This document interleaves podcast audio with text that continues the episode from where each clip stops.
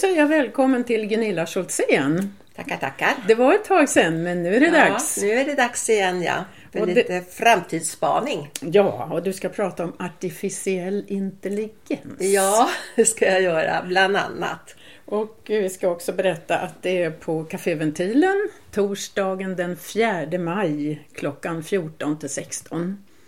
Och fikat börjar redan halv två. Så välkomna då. Och det är på föreningsgården vi ska vara den här gången. Föreningsgården, ja, Kvarnhjulet Ja. på sal Follbrinken. Och då släpper jag loss dig. Vad är artificiell intelligens? Ja, det är väl att man frågar sig om det är möjligt att skapa en dator som kan lösa alla de problem som vi löser med vår intelligens. Det är ju alltid en människa bakom datorn så att säga, så att eh, den har inte sin egen vilja. Utan människor är det som styr och eh, producerar och framställer de här datorerna och vad de ska kunna. Då hoppas man att det är välvilliga människor. Ja, det får vi hoppas att det är. Det blir ju lite nytt på IT-fronten eftersom det här med artificiell intelligens har fått en väldig fart numera. Förut var det väl mest ja, forskning, universitet, högskolor som höll på och prövade om man kunde avbilda en mänsklig hjärna. Man har ju fått, hjärnforskningen har ju också gått framåt och man vet mer och mer om hur vår, våra mänskliga hjärnor fungerar.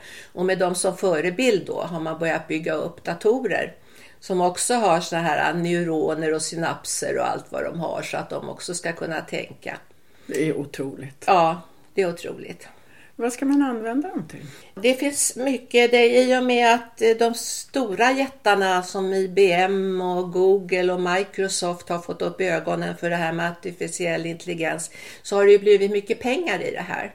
Och, man har börjat, och de är ju mest intresserade av eh, att hitta lösningar där man kan använda det rent praktiskt. I vardagslivet? Ja, i vardagslivet kan Vanliga människor som du och jag, eller som Ja. jag i alla fall. Ja, precis. Ja.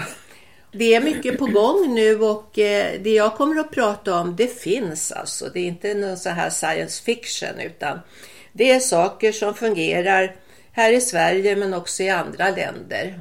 Det är väl bara det att det inte har nått ut till oss alla ännu. Men det finns alltså redan i Sverige det, ska, det Ja. du ska berätta om? Ja, det finns det. Det kommer till exempel, kommer jag ge lite exempel på eh, sjukvården. Hur man kan använda artificiell intelligens där för att eh, det pågår ju väldigt mycket, mycket forskning inom cancer till exempel nu världen över. Men det är ju svårt för en läkare att kunna hålla reda på hundratusentals forskningsrapporter och vad de har rätt till för resultat. Så därför så, så har man då eh, en dator som hjälper en i det här letandet. Jag kommer att prata om vad bankerna gör idag för att bekämpa bedrägerier. Och det här är saker som, som vi kommer nog att se ganska snart. Eh, att vi kommer att få hjälp så att vi kan skydda våra utbetalningar och inbetalningar med mera. Det blir säkrare. Det ska bli säkrare. Ja. Ja, men det låter skönt. När man ska ha information på internet så är det ju ganska svårt att hitta precis den information som jag vill ha och framförallt att jag kan lita på den informationen. Och där håller man också på och arbetar med någonting som kallas konversationssökning. Hur menar du? Kan man inte lita på nu när man söker på Google? Sökmotorn har ju idag inte den förmågan att veta att det här är sant och det här är inte sant för att den har inte den intelligensen idag. Men när man kopplar in det här eh, så ska även den här nya sökmotorn klara av att bedöma innehållet i de här sökningarna och ge dig förslag som du till större grad kan lita på. Jaha, ja, det låter ju skönt. Konversationssökning kallar du det. Ja, vi är på väg mot att vi pratar med våra datorer. Ja, det kan jag redan med min telefon. Ja, precis. Och det här kommer stort. Och eh, det kommer väl att bli så i framtiden att vi har en liten låda som står någonstans i huset som vi pratar med. Vi ropar på den, hej, säger hej, ställer vår fråga och så svarar den.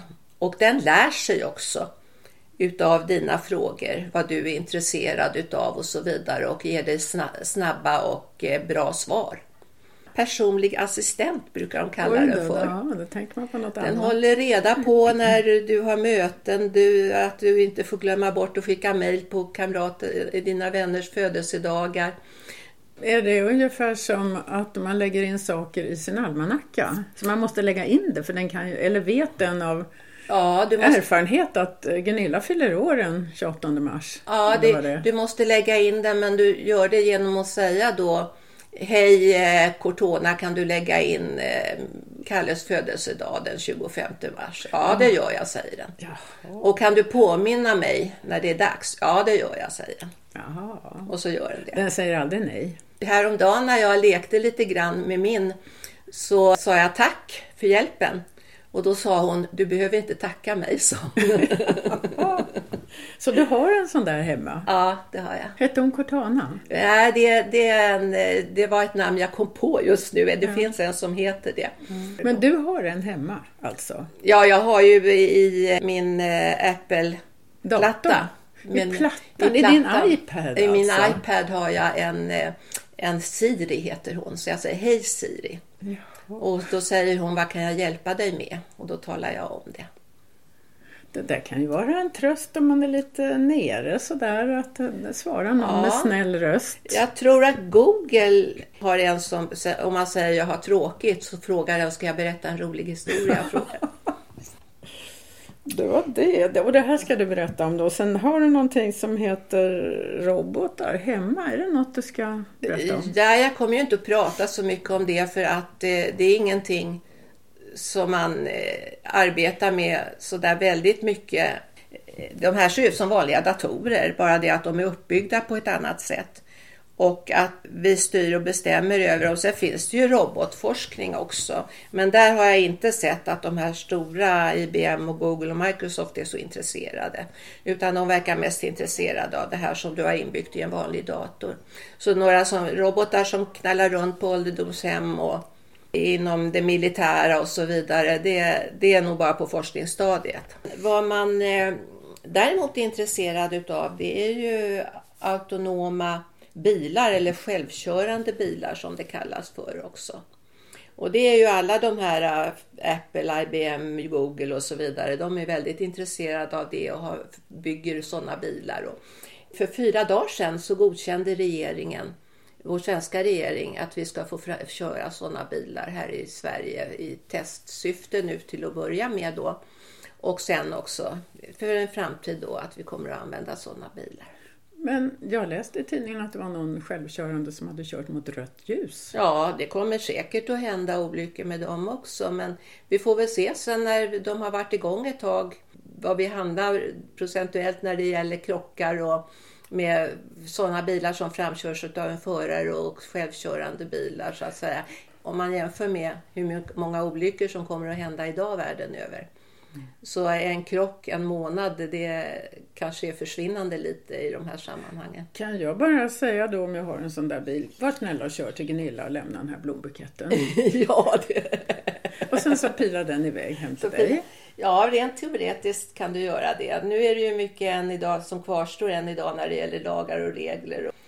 Men eh, på testplatser och så vidare så, så gör man det. Man har alltså bilar också som, eh, som kör taxi utan någon chaufför. Man kan sätta sig och åka iväg i. Men det måste alltså inte vara en människa med i bilen? Inte i vissa länder. I Sverige måste det det. Frakttaxi?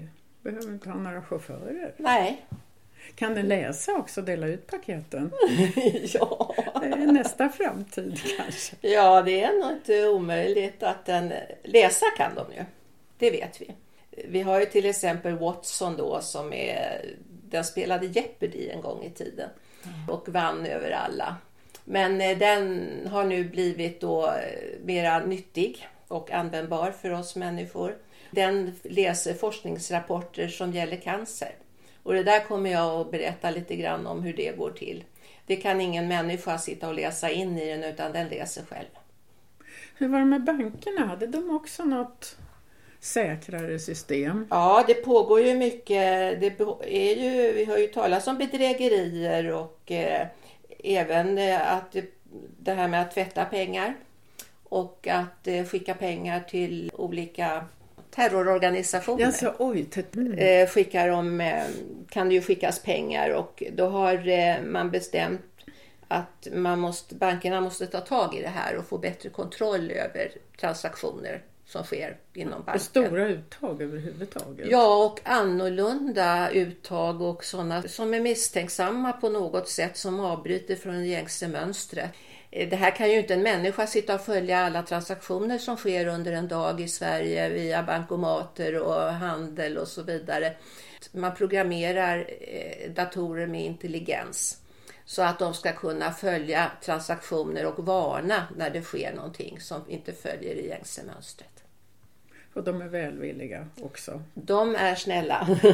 snälla mot kontohavaren. Därför det är vi som bestämmer nämligen över dem. Mm. Och eh, det är klart, det finns ju naturligtvis kan man ju tänka sig att det finns onda människor som vill andra ont. Men det kan de ju göra på andra sätt också så att säga. Ja, du har ju olika terrororganisationer och du har människor som vill bedra andra människor och så vidare. Så det lär vi ju inte få bort. Men jag har väldigt svårt att tänka mig att det kommer att bli robotar som gör sånt. Mm. Mm.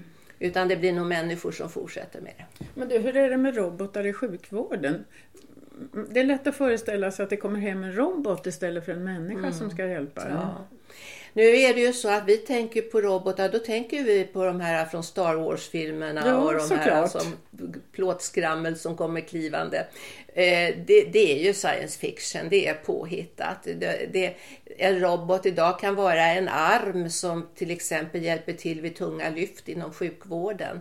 Men den har varken huvud eller armar eller ben eller kommer gående utan möjligtvis kommer den rullande på hjul och sen så har den en liten tv-skärm eller datorskärm på sig. som den... Det är en liten hjälpmaskin helt enkelt. Hjälpmaskiner kan man kalla dem för. Det är väl att man har börjat blanda ihop det här robotar. Man börjar sluta säga robotar, man säger bottar istället. Bottar, ja. För det är så lätt att tänka sig, oj ska det komma en robot inskramlande ja. och byta blöja med, på mig precis. på natten? Ja, precis. Oftast är det bara en eller två armar som hjälper till de hjälper till vid tunga lyft, vid besvärligt på något sätt så har man dem till hjälp. Då. Mm. Men det kommer alltid en sjuksköterska med tillsammans Det med låter ju inte så skrämmande när Nej. du säger det så. Nej. Det, här med, det finns något som heter dator lär datorn. Mm. Vad, vad är det?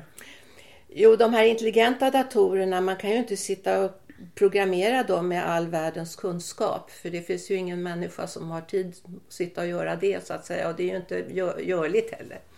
Utan då har man alltså datorer som lär andra datorer och de är specialiserade de här datorerna. De kan inte allting utan så jag kommer att visa en liten film där ni kommer att få se en dator som lär upp en annan dator som är okunnig. Det ska bli väldigt spännande. Eh, det är alltså framtidsspaning. Ja, men inte så långt in i framtiden utan det ligger runt hörnan. Framtidsspaning i vår nära vardag ja. av Gunilla Scholzén. Och det är på Café Ventilen torsdagen den 4 maj klockan 14 till 16. Och vill du fika innan så går det så bra. Och det är i föreningsgården. Sal Follbrinken. Varmt välkomna säger seniorerna ja. och Gunilla Schultzén. Ja. Och, jag heter Gunilla Grell Lundgren. Ja, det ser jag fram emot, det ska bli roligt. Det tycker jag också. Välkomna, hej då!